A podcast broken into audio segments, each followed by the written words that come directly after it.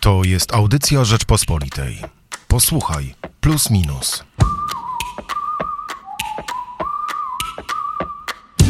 Czemu pandemia koronawirusa przemieniła się nagle w wielką epidemię przemocy? Skąd nagle wzięła się agresja? Skąd nagle wzięły się problemy z dogadywaniem się między ludźmi?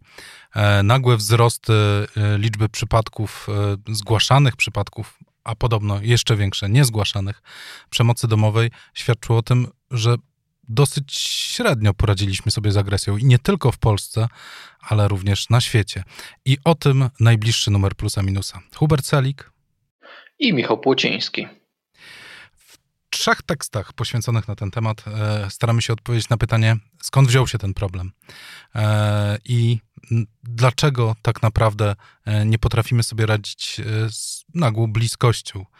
Bo dotychczas praca pozwalała nam na pewne oddalenie się e, od e, ludzi, z którymi żyjemy na co dzień. Nagle się okazało, że jak jesteśmy z tymi ludźmi najbliżej jak tylko można, czyli praktycznie prawie, prawie cały czas, agresja e, wybucha. Nie, nie radzimy sobie ze stresem. Ten stres często jest związany przecież nie tylko z tą sytuacją interpersonalną, ale z też niepewną przyszłością.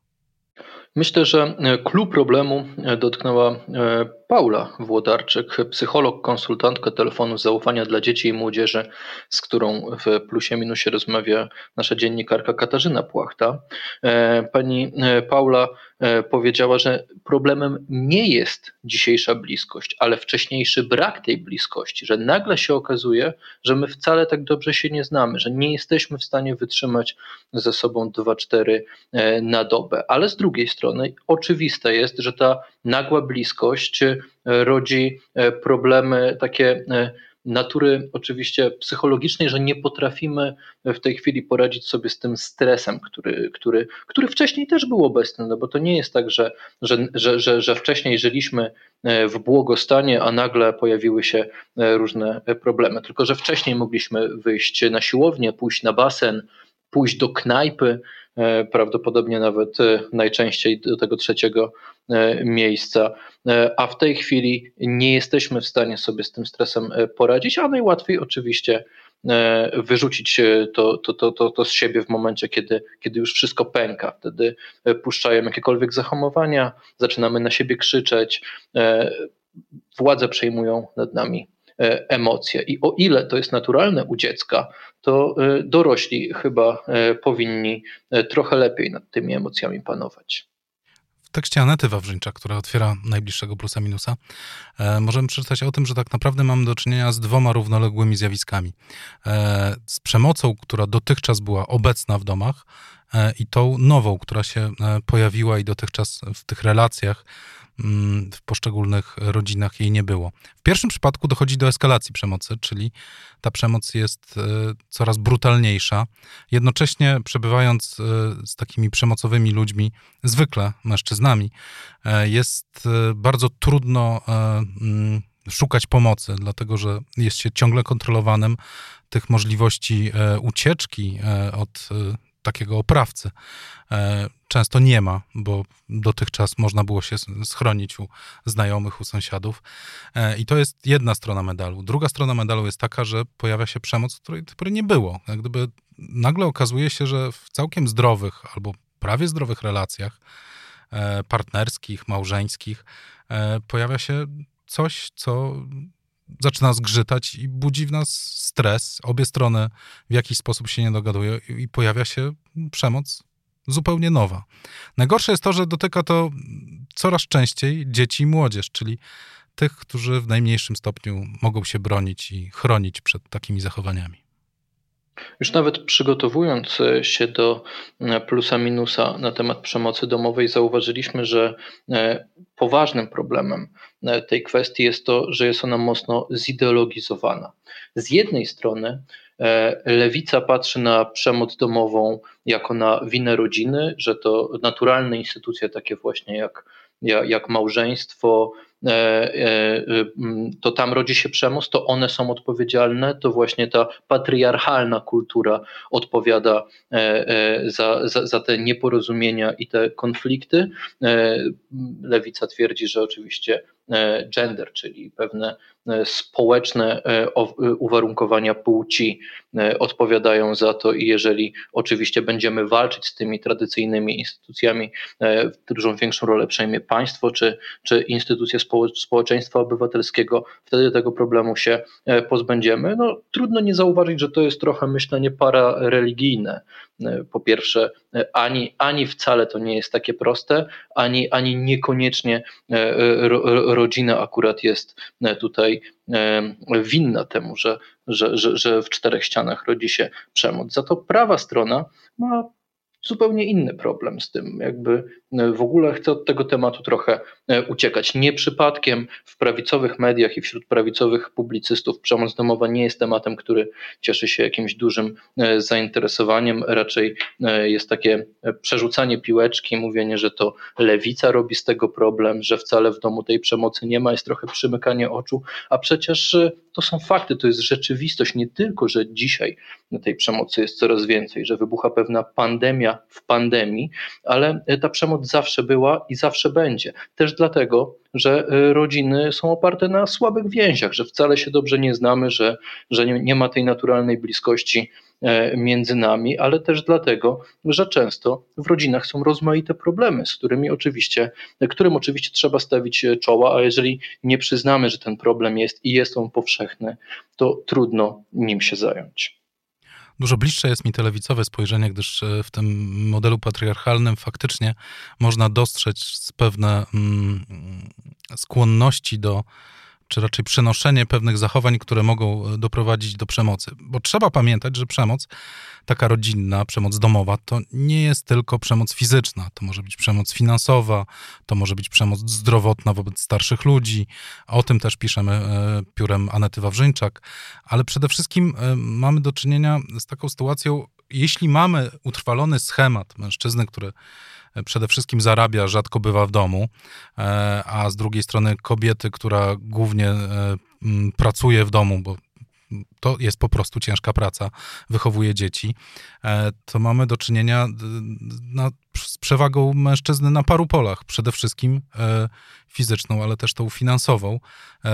Jeśli w ramach agresji, niedogadania się czy jakiegoś nieporozumienia e, on zaczyna kontrolować tą drugą osobę, zwykle kobietę, e, przez pryzmat finansowy, to też jest przemoc i ona e, też zostawia trwałe ślady psychiczne.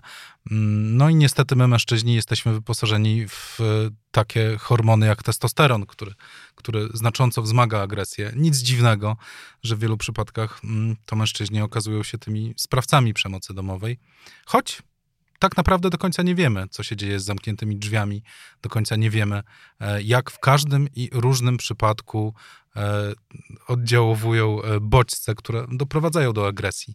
Bo jest też agresja psychiczna i tutaj taka agresja psychiczna, psychologiczna może doprowadzać do wzmożenia takich zachowań. Znaczy, absolutnie nie chciałbym, żebyśmy postawili problem w ten sposób, że, że, że rzeczywiście to rodzina i jakieś stosunki e, tradycyjne w rodzinie są źródłem e, przemocy. Oczywiście jesteśmy wszyscy w dzisiejszym świecie e, mocno zagubieni, że zmieniają się i nasze relacje, i zmienia się rzeczywistość dookoła nas. Pandemia jest niesamowicie symbolicznym momentem, który właśnie pokazuje to nasze zagubienie w dzisiejszym świecie, ale także nowe możliwości, które dają nam nowe technologie, możliwość pracy zdalnej, e, możliwość dowiadywania się o tym, co się dzieje e, e, na, całym świecie. No, to też są oczywiście negatywne tego skutki, tak jak pisał Konrad Siuda w Plusie Minusie. Zaatakowały nas cyfry, zaatakowały nas obrazy wyjeżdżających trumn w Bergamo z kościołów, ze szpitali i tak dalej. Ale pamiętajmy, Hubert, myślę, o, o, o, o jednym. Jakiekolwiek zrzucanie winy tutaj, szukanie e, winowajcy w prostym, w jakimś prostym procesie, e, zamykanie tak naprawdę, e, czy, czy, czy stawianie sobie jakichś klapek na oczach, żeby nie patrzeć na, na różne problemy, które są E, dookoła nas i różne e, inne problemy e, niż tylko jakaś przewaga mężczyzny w rodzinie tak naprawdę zaciemnia nam obraz. Ty zresztą wspomniałeś o tym, prawda, że, że, że kobiety nie tylko w Polsce, na całym świecie też są odpowiedzialne za znaczną prawdopodobnie dużo większą niż sobie tylko wyobrażamy część przemocy domowej. Mężczyźni boją się oczywiście, czy wstydzą się zgłaszać takie przypadki. Często są też ignorowani na policji czy w prokuraturze, w prokuraturze zbywani żarcikami, że o, baba pana bije, naprawdę nie ma pan większych problemów. Ale nie o to chodzi czy y, ta płeć, tamta płeć, te stosunki są odpowiedzialne e, za, za, za przemoc i nie szukajmy takich prostych odpowiedzi. Ta przemoc jest, ta przemoc była i niestety ta przemoc będzie.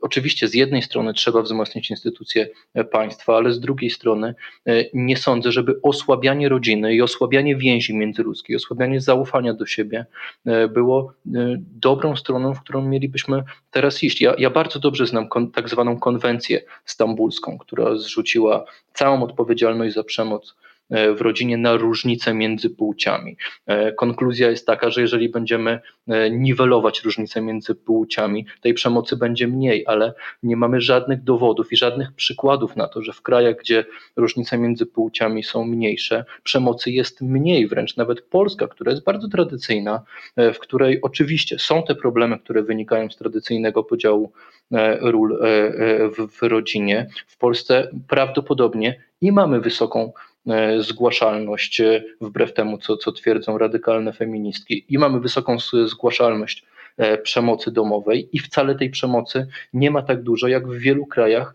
gdzie rodziny są dużo mniej tradycyjne. Świat nie jest taki prosty, żeby teraz sobie znajdować prostą przyczynę i dawać prostą odpowiedź. Dlatego chyba i z lewej, i z prawej strony powinniśmy trochę przekroczyć E, te e, różnice, które nas e, dzielą, przekroczyć nasze takie naturalne postawy i starać się szukać trochę bardziej odpowiedzi w tej szarości być otwartym na, na to, co mówi druga, druga strona. I cały czas oczywiście w magazynie Plus Minus staramy się do tego środka wychodzić i staramy się patrzeć na tą drugą stronę.